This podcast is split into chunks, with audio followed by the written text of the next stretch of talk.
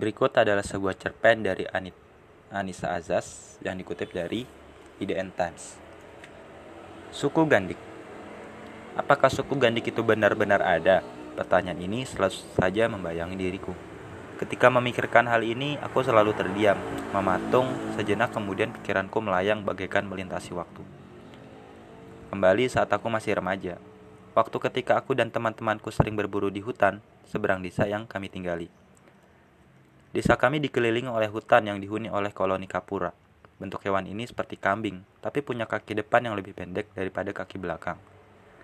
Meskipun begitu, kapura masih dapat berjalan menggunakan dua kaki belakangnya, seperti layaknya manusia. Kapura punya lima jari seperti manusia pada kakinya. Para penduduk sudah terlatih dari kecil untuk berburu kapura di hutan. Kami berburu secara berkelompok. Hasil buruan terkadang dijual atau dikonsumsi sendiri. Ada yang mengolah kapura dengan cara dibakar, disate, dipanggang, diawetkan, atau cara pengolahan lain. Ketika Anda memasuki hutan, Anda akan melihat tumpukan batu besar seperti batu Stonehenge. Tumpukan batu ini sudah ada sejak lama. Ada beberapa coretan pada batu tersebut, namun tak satu pun dari kami yang memahami arti tulisan tersebut. Fungsinya juga tidak diketahui. Aku menduga pada zaman dahulu ada peradaban manusia yang tinggal di hutan ini.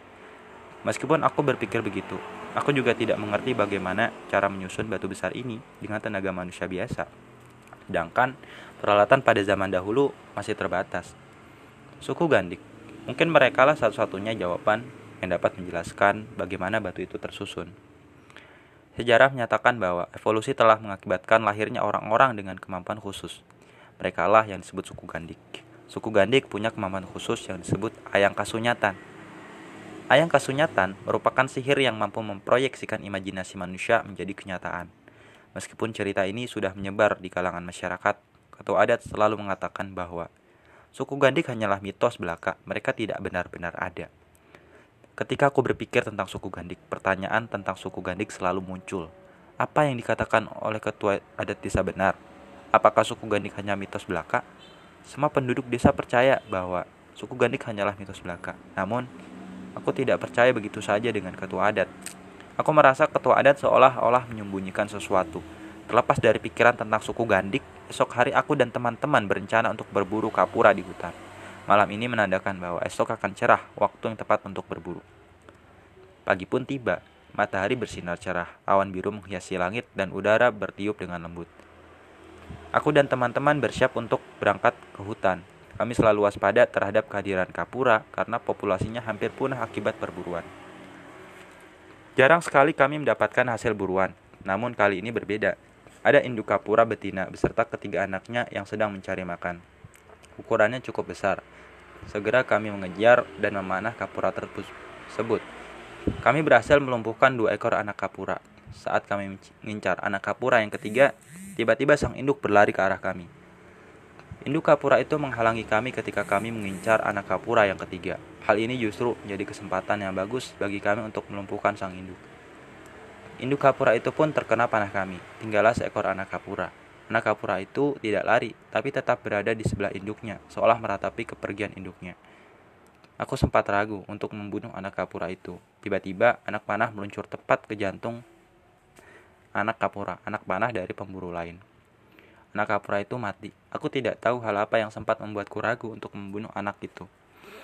Tidak ingin larut dalam kebingungan, aku pun segera mengumpulkan hasil buruan. Setelah kami mengumpulkan hasil buruan, kami kembali ke desa. Kali ini kami membagi hasil buruan dengan penduduk desa yang lain. Para penduduk memasak kapura di sore hari. Mereka bahu-membahu untuk membuat aneka masakan sederhana. Ketika malam tiba, para penduduk mengadakan pesta sederhana Acara diisi dengan memainkan musik tradisional desa dan menikmati hidangan kapura hingga larut malam. Suara kentongan terdengar sebelas kali. Itu artinya waktu sudah menunjukkan pukul sebelas malam. Aku bergegas pulang ke rumah karena terlalu lelah, aku langsung tidur. Ketika tidur, aku bermimpi. Dalam mimpiku, aku melihat diriku sendiri dan teman-temanku saat kami berburu di hutan. Selain itu, aku juga melihat tiga orang anak dan ibunya. Dua anak telah meninggal terkena panah. Saat kami akan memanah anak yang tiga, tiba-tiba ibunya menghalangi kami. Kami pun memanah si ibu. Pada detik-detik terakhirnya, aku dapat mendengar dengan jelas pesan dari si ibu.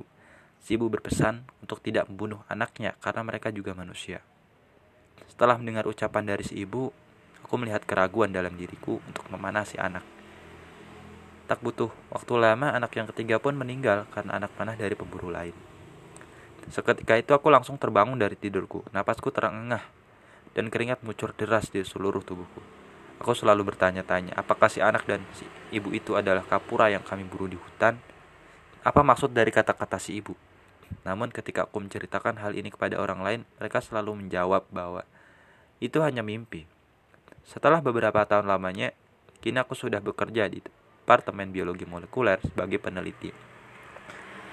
Aku melakukan penelitian tentang kapura karena belum ada yang meneliti kapura. Aku ingin mengetahui asal-usul spesies hewan ini. Aku dan tim peneliti melakukan proyek genom dari kapura. Kami memetakan genom kapura sampai tingkat nukleotid dan mengidentifikasi seluruh gen yang ada di dalamnya. Setelah 14 tahun lamanya, akhirnya kami dapat menyelesaikan proyek ini. Aku begitu terkejut ketika melihat hasilnya. Spesies Kapura punya 23 pasang kromosom. Manusia juga punya 23 pasang kromosom. Kambing yang merupakan nenek moyang dari Kapura punya 30 pasang kromosom. Pada dasarnya, kambing dan manusia adalah organisme yang berbeda. Itu artinya, karakteristik spesies Kapura berasal dari rekombinasi DNA manusia yang banyak disisipi gen kambing. Tiba-tiba aku mengingat mimpiku tentang tiga orang dan anak dan ibunya. Aku terdiam untuk beberapa lama sembari mencari kaitan antara mimpiku, penemuan proyek ini, dan keberadaan suku Gandik. Setelah beberapa saat termenung, aku dapat menyimpulkan bahwa Kapura merupakan hasil rekombinasi DNA kambing dan manusia dari suku Gandik. Seseorang telah mendaur ulang gen suku Gandik dengan menyisipkan banyak gen kambing sehingga terciptalah terciptalah spesies baru yang disebut Kapura.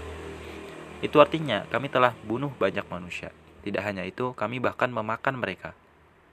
Setelah mengetahui kenyataan dari hasil proyek genom ini, semakin banyak hal yang tidak kumengerti. Kenapa mereka melakukan hal ini kepada suku Gandik?